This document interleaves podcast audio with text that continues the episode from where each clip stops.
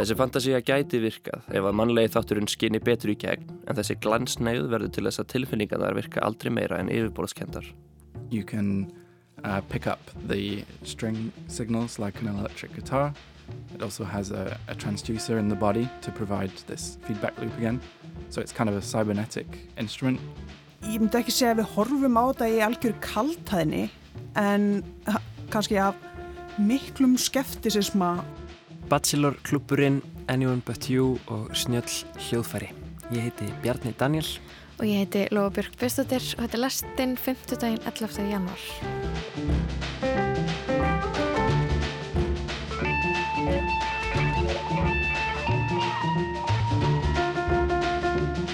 Aftur í lastinni ætlum við að spjalla við tvo meðlemi klúps sem að hittast vikulega horfa á klukkutíma rúmlega klukkutíma langan sjónastátt sem það reyndar tala yfir allan tíman en það er vist partur af fjörunu þær horfa saman á Bachelor og já, svo fer Kolbjörn Rastrik í bíó á glænija romantíska gamamynd en við ætlum að byrja í tónlist Jú, við ætlum að kynast eh, tónlistamanninum og eh, nýdoktornum Jack Armitage. Hann er hluti af rannsóknarhóp eh, við Listaháskóla Íslands sem kalla sig Intelligent Instruments Lab.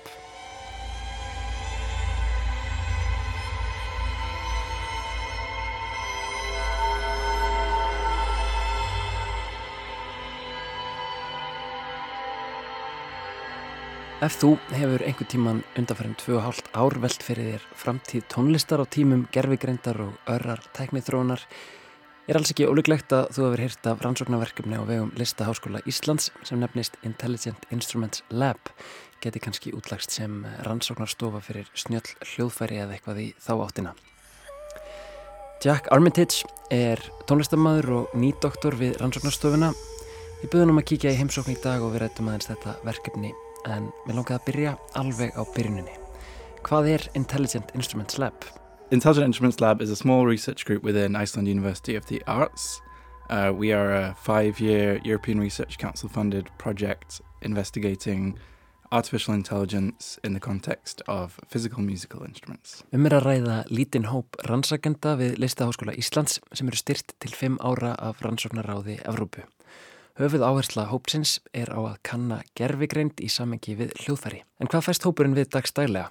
Day by day we're basically looking at emerging technologies such as machine learning or artificial life and we're building new musical instruments that take advantage of these technologies and we're doing that as a way to try and understand these technologies and the impacts that they're having across culture but also society more in general. Já, þau fást sem sagt við tækninýjungar á borðið vélanám og uh, gerfi líf og smíða ný hljóðfæri sem nýta þessa tækni markmiði sé að öðlast dýbri skilning á tækninni en ekki síður áhrifum hennar á samfélag okkar og menningu. En hvernig líta þessi hljóðfæri út og hvað gerir þau frábriðin hefbundnum hljóðfærim? Jack tekur dæmi. One instrument that people might be vaguely familiar with is the Haldorphone uh, created by Halldór Ulfarsson and uh, well known for being used by Hilda Gudnadottir in the context of the Joker score. So uh, Halldór is a technician within our group, and we've been building a custom version of the Halldór phone that allows us to um, essentially add code in the feedback loop of this instrument, which is it's like a cello, where uh, there's a feedback loop between pickups on the strings and a speaker on the body. So what we can do with this instrument is take that feedback loop and alter the, the signals using code to create behavior that you wouldn't find in acoustics or in, in physics in traditional instruments. Mm. And then when you put these instruments in the hands of musicians, it in turn uh, provokes them to, to play differently, to have a different relationship with that instrument. And that's, that's what we're interested in studying is how does that relationship change How does uh, embodied skill change with this instrument? What kind of music comes out?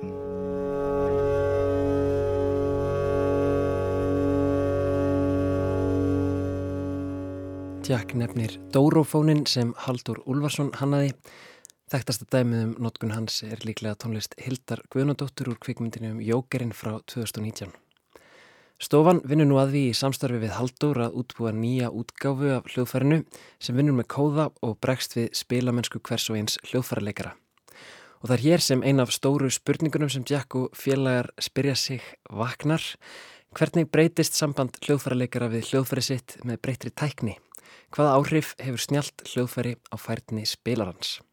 Stór hluti af þeirri umræðum gerfugrein sem ég hef vorið varfið undarfarið byggir á eitthvað nátt á okkunum óta um þar sem framtíðin ber í skauti sér þegar kemur að sambandi gerfugreindar og lista. Jack og rannsóknarstofan verða að slíta þetta öðrum og jákvæðri augum. Ég spurði hann út í hans framtíðarsýn í þessum efnum. I think there's reason to be cautious about how we interact with uh, large corporations and their use of AI and what messages they're giving us about what it is and what role it plays in our lives. And I think that it's the role of the arts and humanities to uh, give people the confidence to discern and criticize uh, how this technology is, is affecting us. And that's what we try to do with our projects. We're, we're trying to center the, the human body in performance, and we're kind of dissociating the technology from its commercial application and just trying to observe it uh, in a more detached way and just exploring it creatively and asking what can it do and can it continue to inspire us and give us new feelings and emotions in, in the way that we have always expected from musical instruments? Jack segir hlutverk lista og hugvísinda vera að gefa fólki tólinn til að bæði skilja og gaggrina hvernig þessar tekniníungar hafa áhrif á okkur. Mannslíkaminn er meðjusettur í verkefnum rannsóknastofunar og teknin markvist aftengt hagnaðardrifinu hugsun.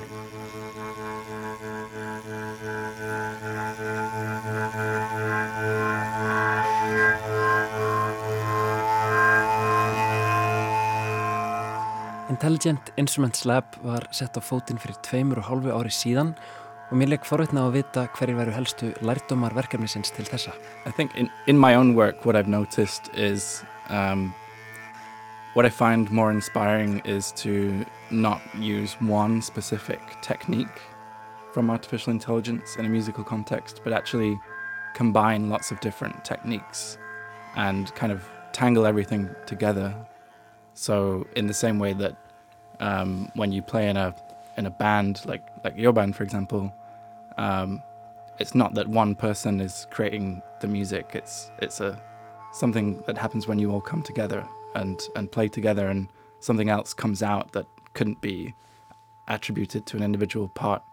So i've been trying to combine multiple techniques uh, together to create that same effect and i found that to be quite rewarding creatively. But it also has been influencing my perspective on AI in the sense that the AI that is pushed on us um, at the moment, for example, with large language models like ChatGPT, this is just one very specific technique that is being very narrowly pursued, but presented to us as a general, uh, general purpose tool. And um, we all know that you know, it's very easy to trip up these tools to illustrate that that is a false narrative.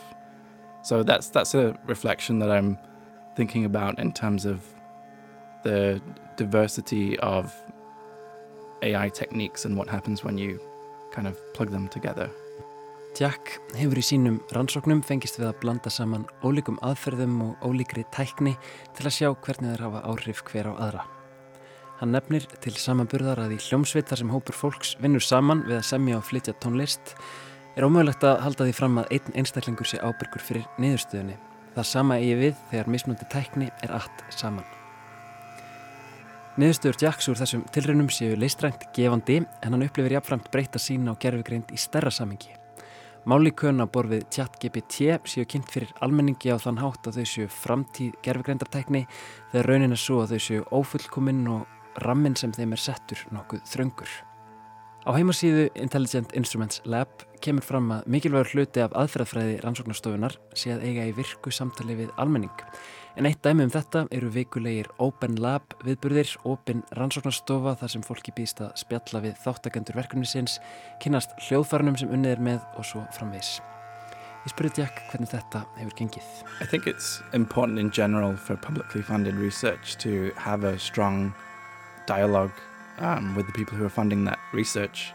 We're, we're there to try and um, improve discourse, uh, create spaces for these difficult and interesting topics to be heard and approached from in novel angles.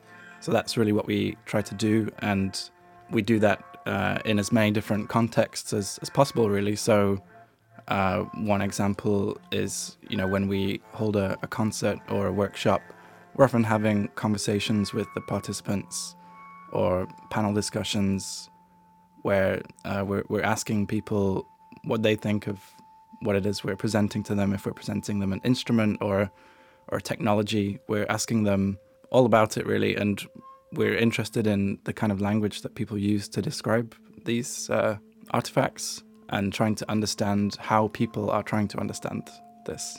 And also, in addition to you know concerts and workshops, we're also hosting people every week in our lab um, on a Friday afternoon, and that's an event called Open Lab that's uh, been quite popular. Verkefnið er styrt með almannafjö og þess vegna finnst Jack mikilvægt að almenningur fá að taka þátt í umræðu um niðurstöðunar. Open Lab viðbröðnir eru stórliður í þessu en sömulegis viðbröður á borfið tónleika og vinnusmiður. Við slíkt tilöfni hafið þau nýtt tækifærið og reyndað efna til umræðina, til dæmis fengið hljóðfaraleikara til að tala um sambund sín við snjall hljóðfærin eða tæknina sem er í brennudepli hverju sinni. Þeim finnist áhugavert að heyra hvað orð verða fyrir valinu þegar fólk ræðir þessar nýjungar og vilja reyna að skilja hvernig fólk er að reyna að skilja þetta allt saman. Hvernig upplifir Jack viðtökur almennings? I think it's been very generously and warmly received once people realize that we're not the same as Google or Facebook or something, that we're not aligned with the kind of big tech vision of AI. And once people understand that we we are trying to take a different approach that is more conscious about the impact of technology on culture and about trying to raise the public discourse, then people could become very interested. And that fear that you mentioned kind of melts away a little bit. Um, so that's really positive for us, of course. And that's what we want as well, because it's when people kind of relax a bit more that they can start to consider alternative futures and you know the the future that we're presented is is very is a very deterministic one. You know, we're we're presented that AI is this, and the future is going to happen like this. Mm-hmm. And I think that's what causes part of what causes this anxiety. Um, but I think what we're we're trying to hopefully convince people is that that is a choice, and um, with the right kind of uh, initiatives and funding and uh, cultural investment in this area, we, we can explore alternatives. Um leið og fólk átta sig á því að nálgun Intelligent Instruments Lab að gerfagreint er gjör ólík nálgunum stórfyrirtækja á borðið Google og Facebook hafa viðtökunar yfirleitt verið nokkuð jákvæðar, segir Jack. Það skipti þau máli að halda í vissa meðvitundum möguleg áhrif tækniníunga á menningu. Ástæða þess að mörg upplifi kvíða gagvart þróun gerfegrindartækni sé svo afstæða þessara stórfyrirtækja að ein ákveðin sviðsmynd sé óumflíjanleg stefnan sé í eina tiltekna átt. Eitt af markmiðum Intelligent Instruments Lab sé sem sagt að sína fram á að það sé hægt að fara aðra leiðir.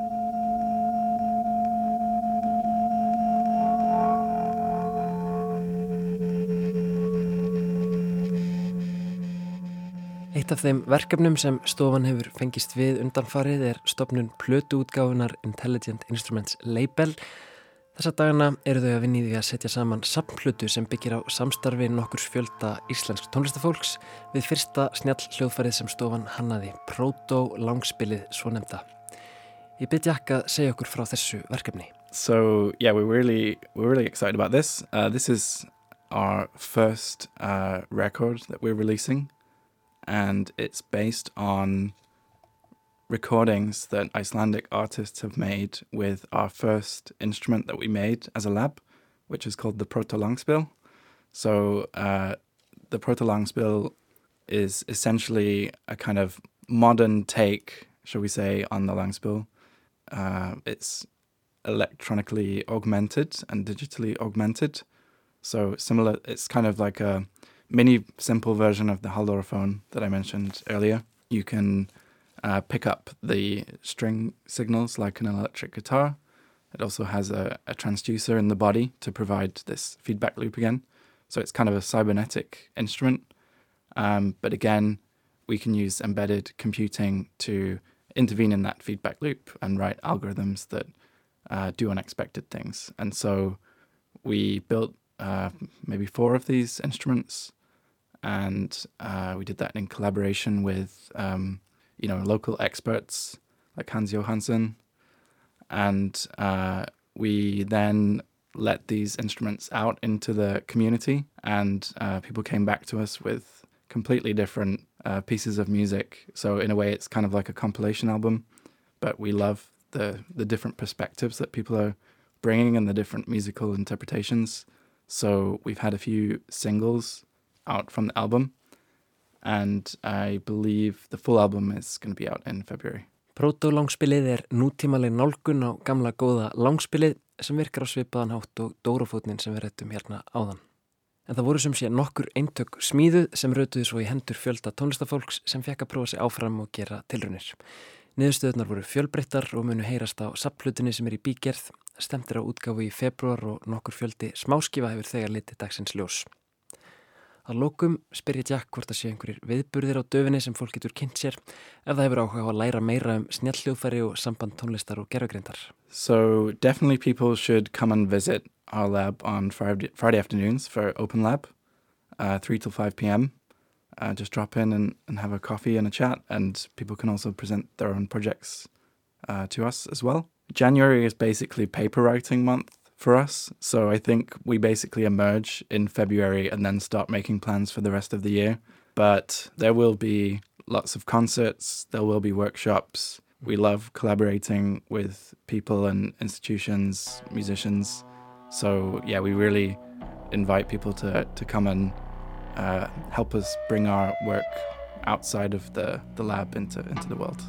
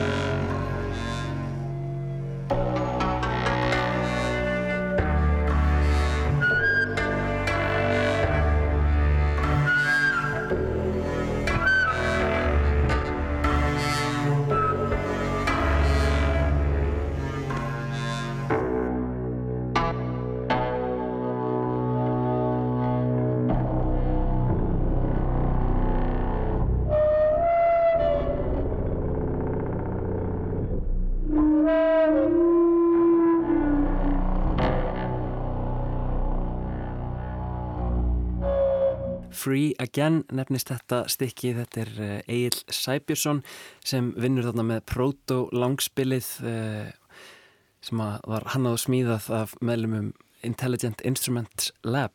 Uh, ég rætti hérna við Jack Armitage sem er þáttakandi í þessu rannsóknarverkefni. Virkilega gaman að heyra hvað þau eru búin að vera grúska. Og það er mjög gaman að kíkja á þessa, þessa opnu, þessar opnu vinnustofur sem eru reglulega. Eða hvað, í hverju meinst á föstu degi? Emitt, já, það verður vist ekki á morgun, það er kannski sniðt að taka það fram, en alla aðra föstudaga, sagði Jack. Ok, en það er mjög gaman að kíkja. Um, þarna, við ætlum að fara úr tónlistinni yfir í kvikmyndir, kvikmyndagagrínandi lestrannar, Kolbjörn Rastrik tekur við. Hey, headed to the wedding. Of my sister? Yes, I am. So where's your fiance? Wait, is this him? Hey, I'm Ben. I was her hall pass on your break. Wow, you are a child. It's a pretty long flight. Do you want anything from the front of the boat? I'm all good on creatine and smell thick insecurity. Nothing small about me. What the? That's the jerk Poopy got with when she was on her break from Jonathan. I could never be with someone like him. This girl's a disaster. They're gonna ruin our wedding. Sorry.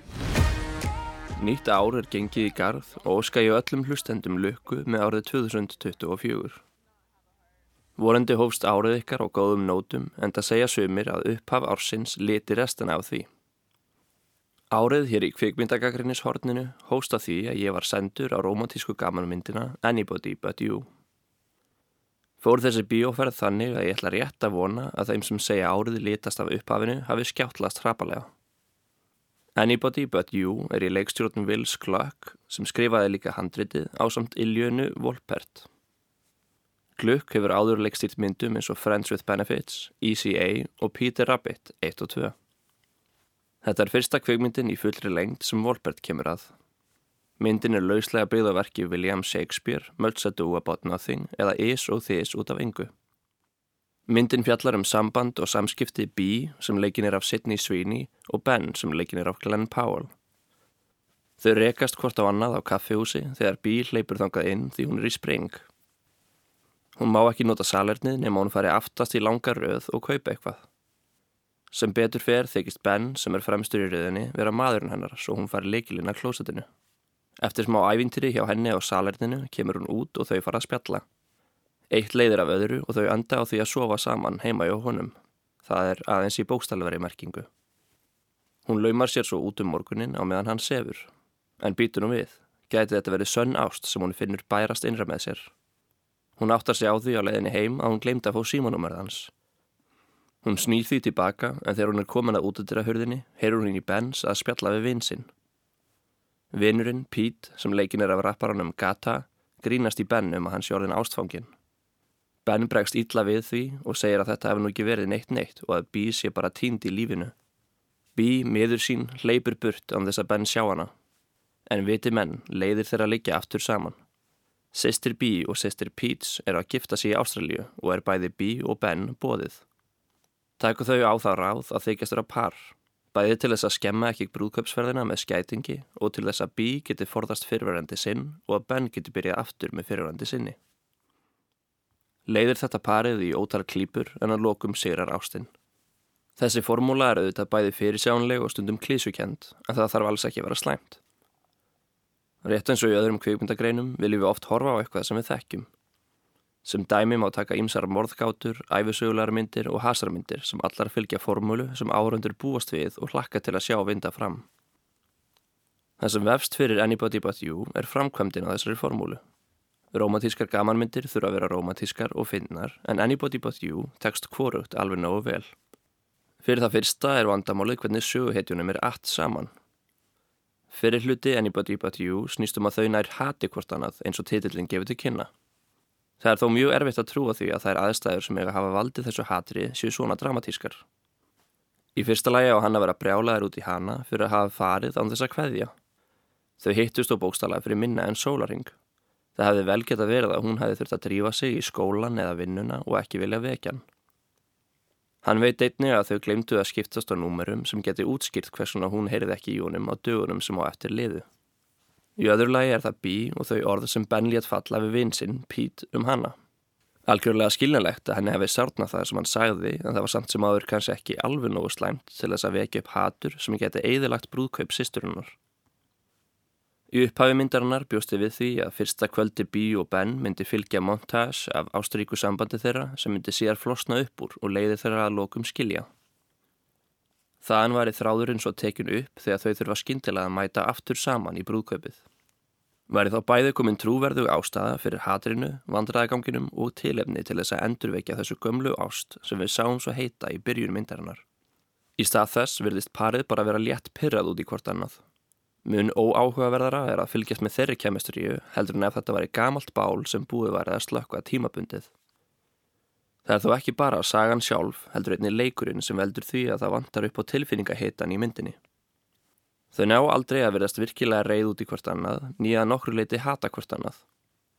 Í romantísku myndum þarf að vera kemistrija í hatrinu, jamt og í ástinni.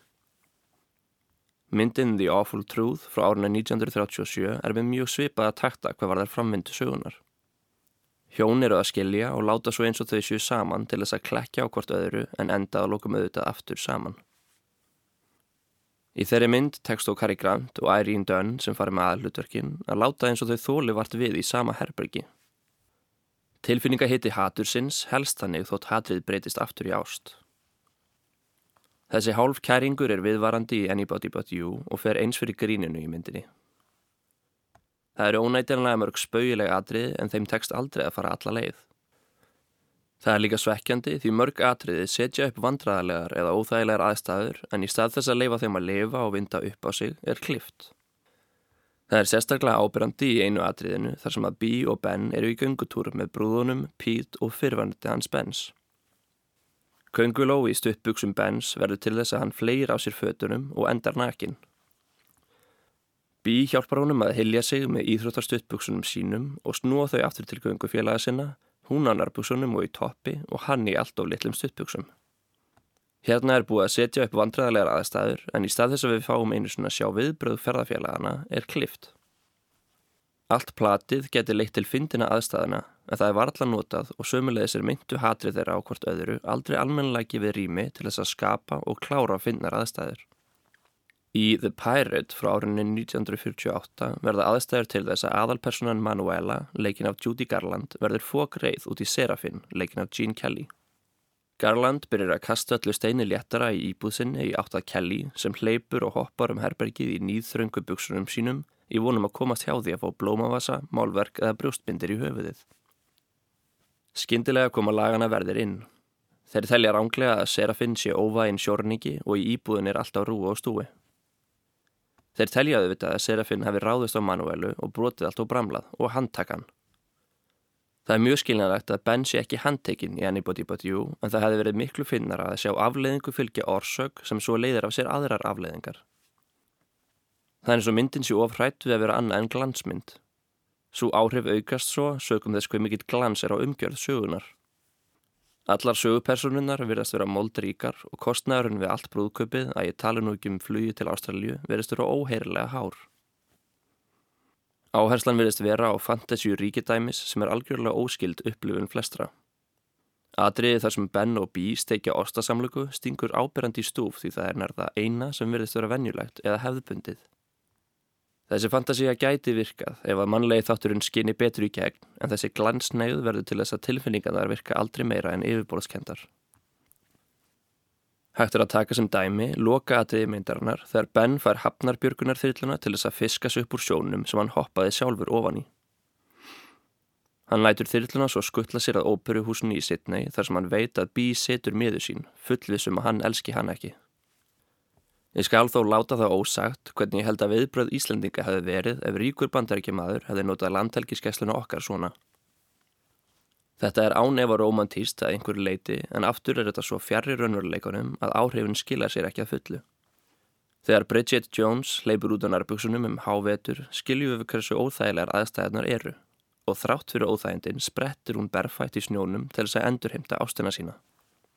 Þetta er í ákveðnum skilningi minni gjörðningur en raunveruleiki aðstæðnana kallar fram þeimun meiri áhrif á áhrandur. Glansmyndin málar personur sögunar upp þannig að þau geta í raun gert hvað sem er en samt komist út úr öllum aðstæðum jafn sæt og rík. Ef að ekkert virðist vera í húfi verður ávinningurinn að samaskapi enginn. Anybody But You fylgir samvisku samlega öllum þeim töktum sem romantískar gamanmyndir fylgja en áhrifin og tilfrýningarnar sem þessi kvikmyndagrein sérhæfi sig í að kalla fram gleymast. Ást, hatur, vandraðarleiki og hlátur verða að skrauti í stað þess að vera þungamiðja frásagnar sem stendur og fellur með þessum tilfinningum. idea, right? Tonight. It's a bad idea, right? Seeing you tonight. It's a bad idea, right? It's fine. Yes, I know that he's my ex, but can't two people reconnect? I only see him as a friend. The biggest lie I ever said. Oh, yes, I know that he's my ex, but can't two people reconnect? I only see him as a friend. His trip to Fallon to his bed.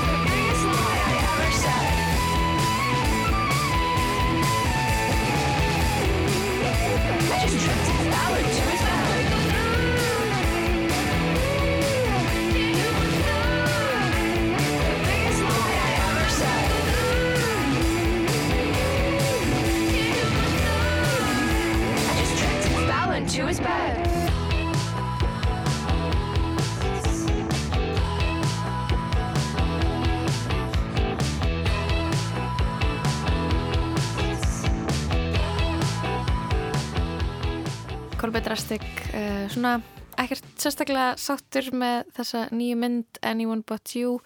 Um, ég fór sjálfa hann í bíó og mér leiði eins og Instagram hefði búið til bíómynd. Það var einhvern veginn tilfinningin, veist, það var einhvern veginn allt hafði einhvern veginn Instagram áferð sem að, veist, það var ekki eins og eitt bringuhár sem var ekki á réttum stað og allir ótrúlega mjóir al- á einhverjum, í einhverjum geggjað fínum húsum, já, ég var einhvern veginn já, þetta var svona eitt af mörgu sem var aðeins svona mynd. Einmitt, ég ætla greinilega að fara að drífa mig í bíó og, og mynda með skoðun. Já, þú veist að gera það. Mhm. Við viljum að færa okkur úr bíó yfir í sjónvarp og hitta tvo meðlumi klúps.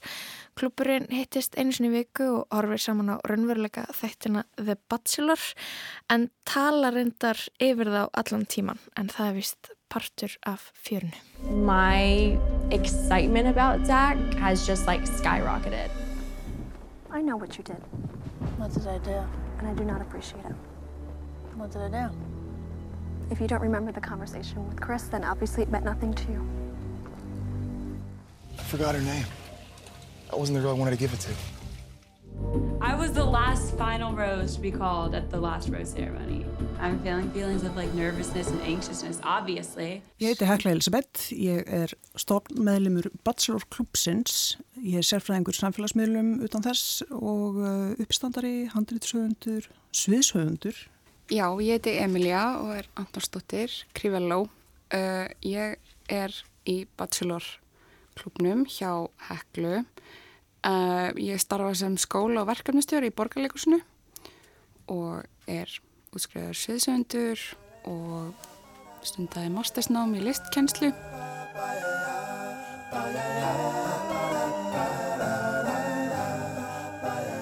Bachelor eða Bachelorette eru þettir þar sem ein, einstaklingur af einu kyni er, er valinn til þess að velja úr hópi cirka 30 einstaklinga af hinu kyninu í gegnum svona ákveðið útilokunarferli þar sem að þau fara og hittast hann ákvort uh, á svona uh, stefnumóti þar sem að það er bara tveir, tveir einstaklingar eða hópstefnumót í lok hvers þáttar þá, þá gefur bachelor eða bachelorettan uh, rós þeim sem að uh, fá að halda áfram. Þetta er svona ákveðin keppni og það, er, skal tekið fram að þetta er mjög heteronormatíft. Þau hafa gert smá tilraunir til að opna sig en þetta er bara mjög hefðbundi kalla leika, leita konu eða öfugt og markmiði er að gifta sig eða sett markmiði er að trúlofa sig í lókseríunar og já þetta er svona, þetta er svona keppni eða útilokanar aðferð. Það er kom... útsláttakeppni. Já, þau komast alltaf nærði og í endan er einn eftir og það er útvaldamanneskjan sem að hérna uh, bachelorinn eða bachelorettan trúlóst.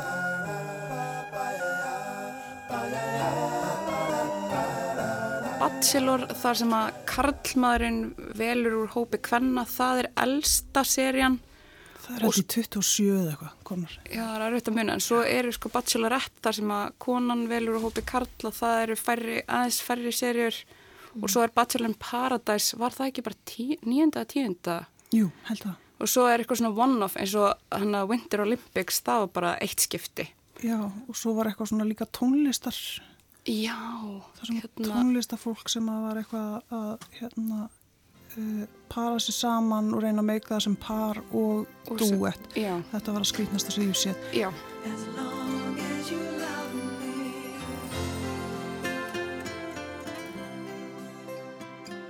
Bachelorklúpurinn er sem sagt hópur hvenna, það er tilviljun og þetta eru bargúnur, mm -hmm. hugsa ég. Við hittumst einu svonni viku og við horfum á Bachelor eða Bachelor in Paradise, Golden Bachelor, Bachelor Winter Olympics, eh, öll Bachelor hérna, svona fransæsin og borðum mikið nammi og snakk og öskrum á sjónvarpið. Mm -hmm. Og þetta er alveg svona heilug stund já.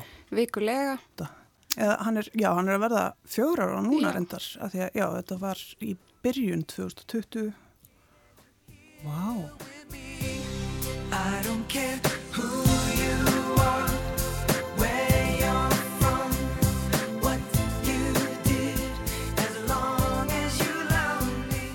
er svona upprunlegi bachelorinn þar sem það er um, maður að leita sér að konu úr hópi margra hvenna er það besti bachelorinn eða? Sko ástæðan fyrir að þær serjur eru svo góðar er að þar ertu með svo stóran hóp af flottum konum sem er gaman að fylgjast með þegar konan eru að velja úr hópi karla þá er það yfirleitt þannig að þeir eru ekki alveg jafn svona, það er ekki alveg spennandi að horfa þeirra samskipti. Það er samt svona einhvern veginn að horfa, eins og að horfa bara heimsmestramótið í eitræri kallmennsku. Jú, jú, já, jú. Þa, það hefur bara svona aðra, það er, jú, það er önnur hlið, já, það er alveg svolítið ólíkt, myndi ég segja. Já, ég geti eða ekki sagt að eitt sé betur en annað, eða nei, þú veist, ég geti sagt að, hérna, tónlistardótið var flop, en allt hitt uh, hefur sinn sjálfa. Paradise er geggjað, það er líka svo gott já. uppbrott á hennu, að því að þá eru svo mörg pör í einu og það er miklu meira einhvern veginn í gangi, eða svona oftast kannski á síðasta sér að freka svona hæg Já, en þá sérst fengi fólk sem hefur keft og tapað í bachelor eða bachelorette uh, uh -huh. og, og svo er alltaf, hérna, þau parast í saman, svo kemur einhver nýr en að stela hinnu og eitthvað svona, veist, þetta er svona, svona mjög bara tóksik samkvæðinsleikur. Uh -huh. Það er verið að stafna því að það verði til alveg samband, þetta er ekki bara, það, það er svona hinn heilegasti og, og aðsti hérna, tilgangur þáttuna að það verði alveg hjónaband og alveg börn og, Já, því annars hætti fólk að horfa á þetta að það er bandaríkjum Já.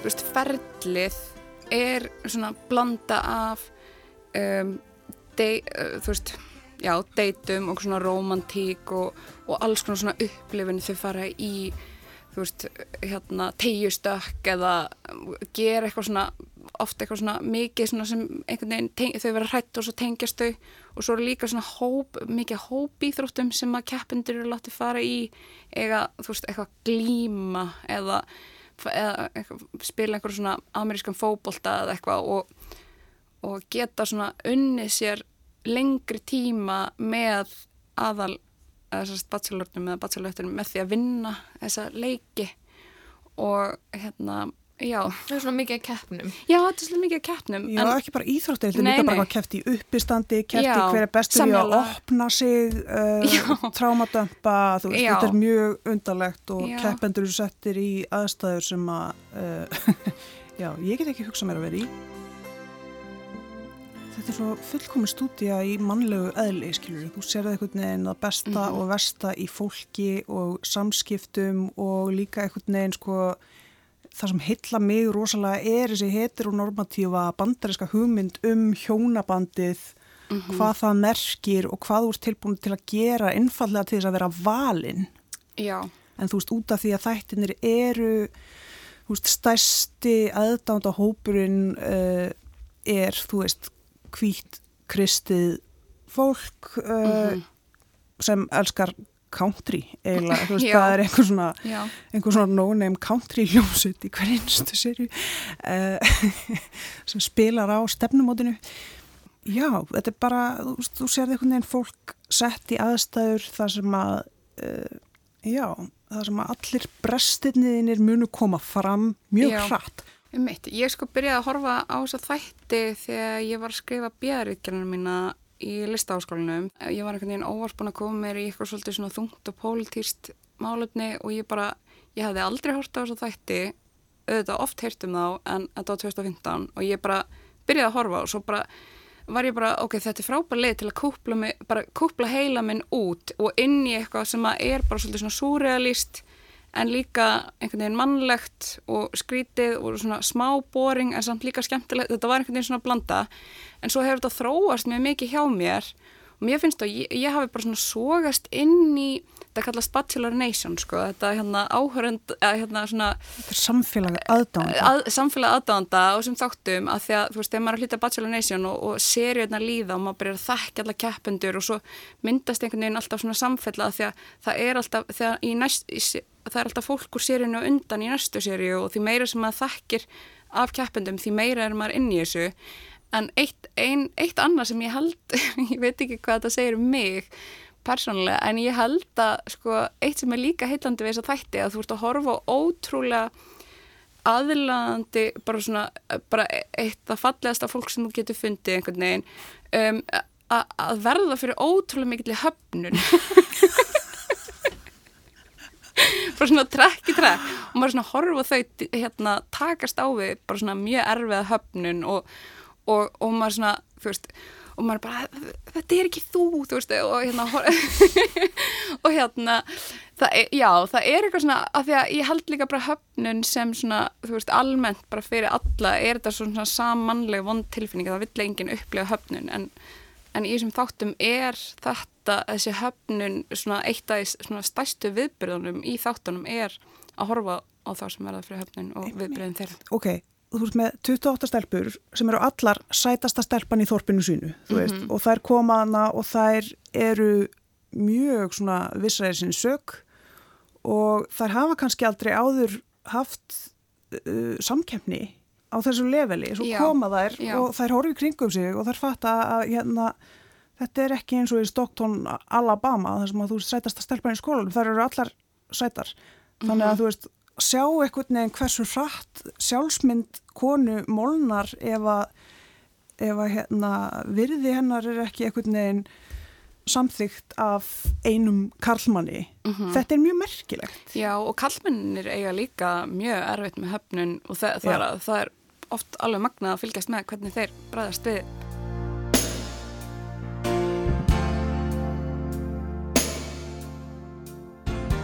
Nú eru þið báðar svona ágætlega feminist þengjandi og svo horfið á þessa þætti sem einhvern veginn, já, ganga út á að, að, að gifta karla og konur og Mhm. virðið þetta einhverju leiti fólki í útlitinni einu eða vera stílina á einhverju svona staðalímyndir um kynin og svo er einhver, einhver samskipti í gangi þú veist, hvernig horfið á þessa þætti með kynjaglirun uppi án þess að hata þá Já. Þetta er náttúrulega að elska og hata. Já, mér finnst þetta, sma, mér finnst þetta tengjast smá af því ég hef líka mikinn áhuga á svona heimildamöndum um svona sértróðsöfni ég er sjálf alin upp í sértróðsöfni og það er líka þessi svona kristna oft þú veist, í mörgum trúabröðum. Það er einhver leiti tengt sko að, að fylgjast með fólki sem er einhvern veginn með bara svona ótrúlega íkta heimsmynd eða svona ekki raunhæfa. Þættinir sína að, já, þetta er ekki raunhæft en það fer samt alveg stundum í töðar á mér þú veist, ég var mjög spennt þegar Bachelor in Paradise var með þess að hún var tvíkinnið það var tvíkinniður þáttakandi og hún fekk að bjóða kærustunni sinni sem var ekkit úr þáttunum veginn, hún fekk að koma inn í þáttinu og svo trúlaust þær, þar hættir enda saman stuttu setna, en, Mhm. en mér fannst það mjög gaman þegar þau voru að brjóta þetta upp Mhm. um, og ég var alveg til í það miklu meira, en maður sætti sér við þetta þetta er einhvern veginn svona formúla og, og þetta er toxic fyrst, þannig að ma- maður er kannski ekki með að ég veit ekki alveg.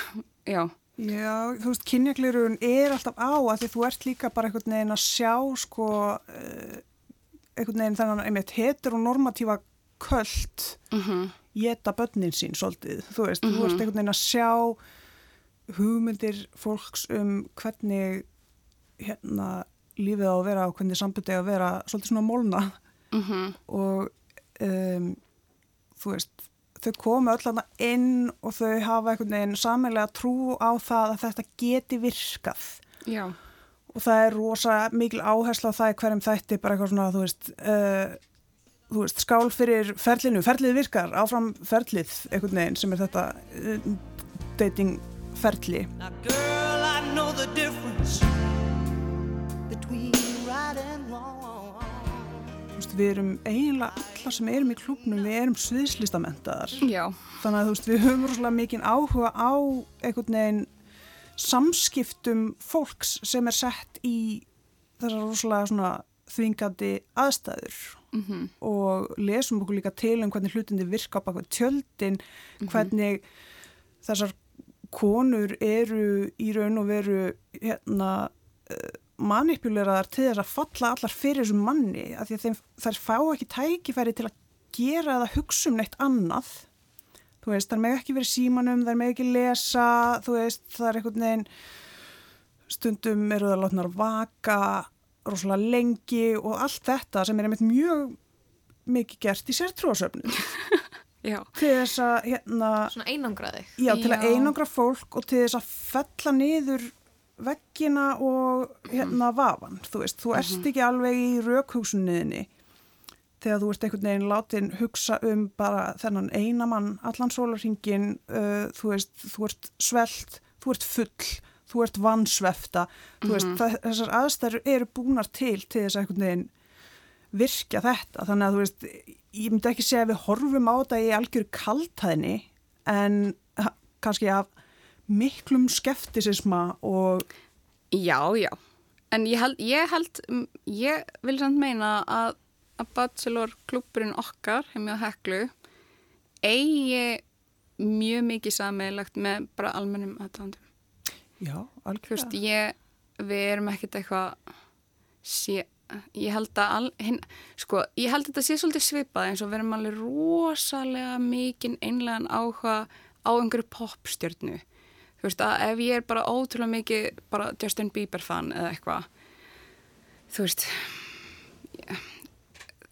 Þetta er bara heillandi fyrirbæri. þú þart, þú þart eiginlega bara að vera úlingur til að vera með 100% einlegan áhuga og allir aðrir eru líka með eitthvað það blandast alltaf eitthvað saman þannig að ég, ég veit ekki. Ég held ekki endilega að allt Bachelor Nation í heiminum sé bara rosalega naíft fólk. Ég held að yfir höfuð sé fólk líka bara það hefur áhuga á ljótleikanum sem fylgir sem þáttum og öllu sem hérna skiljið mig, mm veist. Það er kannski erfitt líka átt að segja á því á hvaða forsöndum stór nafnlaus hópur fólks fílar eitthvað. Það getur verið Rétt. mörg Já. mismunandi atriði. En maður getur gefið sér það að sko þetta einhvern veginn, uh, hvernig þetta gengur fyrir sér í meðan spetur við það hvernig fólk í bandaríkjunum, eða svona ekki allstar í bandaríkjunum við þetta, því að bandaríkjunum eru hjúts.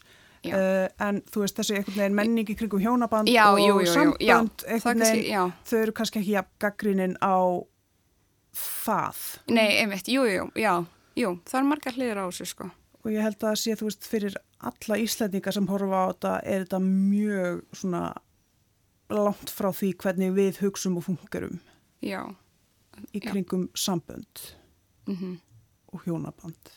Vestrænt samfélag er, er svo heteronormatíft yfir höfuð og, en þannig er bara búið að taka þetta og eim þetta niður og íkja rosa mikið og þá, það er skemmtilegt að horfa á eitthvað svona íkt um, og, og, og það verður líka bara svo fárulegt að, að einhvern veginn þá í leiðinni að auðvitað er maður ekki veist, partur af manni er alltaf veist, það er ekki hægt að taka svo alveg þetta er svo íkt þannig að Já. og ég líti ekki svo á með því að horfa á þetta sé ég að samþykja þetta þó að þú veist vissulega áhorf sé að einhverju leiti í samþykji, þú ert að Já. gefa, gefa þessu ruggli ástæðu til að halda áfram Farið ekki líka stundum bara einhvern veginn að hugsa í kynjögtvíhygginu þegar þið eru svona mikið að, að horfa á og pæla í bachelor? Hvort að þættin þessi að skemma okkur. Og það sem við vitum. Eða kannski staðfesta einhvern, einhvern veruleika? Nei, því ég, mér finnst þetta að vera hlýðarveruleiki veist, ég bara stilli mig inn á veruleikan sem þau eru að presentera fyrir mér þarna en svo þegar þátturinn er búinn þá tek ég það ekki með mér út í uh, lífið af því að þetta er líka bara já, þú veist ekkert af því sem að maður sér í bachelor rýmar sérstaklega vel við íslenskan veruleika. Mm -hmm. Þetta er ákveðin brenglun sem er þarna og, og af því að hún er svo íkt og, og af því að það er svo erfitt að samsvara sig þessum aðstæðum að þá verður þetta svolítið svona fjárstæðakjant og einmitt líka bara, við vorum að tala á hann um sértróðsöfni, þú veist, þetta er meira svona eins og að fá einsýn inn í eitthvað sem að er maður myndi ekki vilja taka þátt í um, en er áhugavert En ég held samt líka að sé ekkit selga holdt frá okkur að vera að horfa á þetta. Ég pæli því hekla. Eða þú veist, þetta er rúglega ekkit holdt að horfa svo mikið á, að pæla svo mikið í þessu. Þetta er alveg... Er ást í The Bachelor? Mm -hmm. það, það er fullt af sambundum. Fólk giftir sig og eignar spötn og búið að vera saman jafnvel, í ára tögi sem er sko. Um, ég veit ekki alveg hvert prósentilutvalli er en það er ást og maður sér fólk verða ástfangið afskaplega hrifað hvort öðru og, og hérna þau, þau eru með svona stig. Stigin eru sko, fyrsta stigið er I think I might be able to fall in love with you. Og það er svona hjáttning og næsta hjáttning er I'm starting to fall in love with you. Og svo er næsta hjáttning I am falling in love with you. Og svo er síðasta I am in love with you. Og það og það, ein, hver einasta hjáttning fær sitt sko moment, þannig að maður sér maður fær bara að heyra, bara í ber, berum orðum hvar, hvernig staðan er á ástinni að fæðast.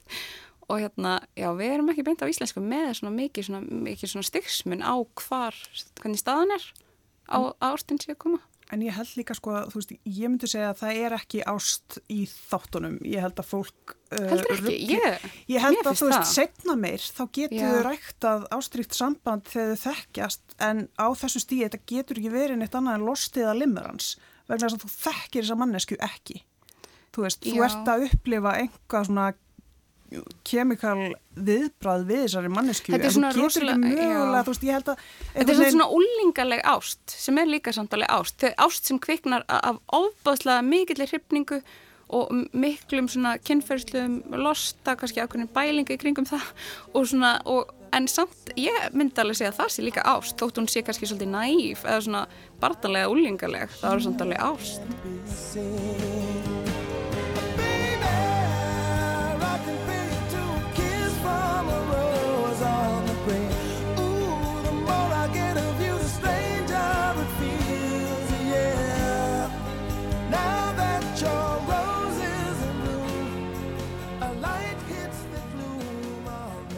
Ég spilaði þarna við þær Heklu Elisabetu Alstensdóttur og Emilju Antonsdóttur Crivello. Þær eru saman í klúb sem að hittist vikulega og horfir á The Bachelor. Ég mitt miklar stemningskonur, ég er eiginlega smá öfinsjúkur, örgulega gaman að hafa svona klúb uh, til þess að hitta í hverju viku og horfa á sjónvarpið. Mm -hmm. Við erum komin að leiðalegum í dag hérna í lestinni við Bjarni Daniel og, Lofabjörg. Þakkum kella fyrir samfélgina í dag og þessa vikuna. Lastinn verður næsta dagskrá á mánudaginn. Já, tæknum í dag var Jón Þór Helgason verið sæl. Og góða helgi.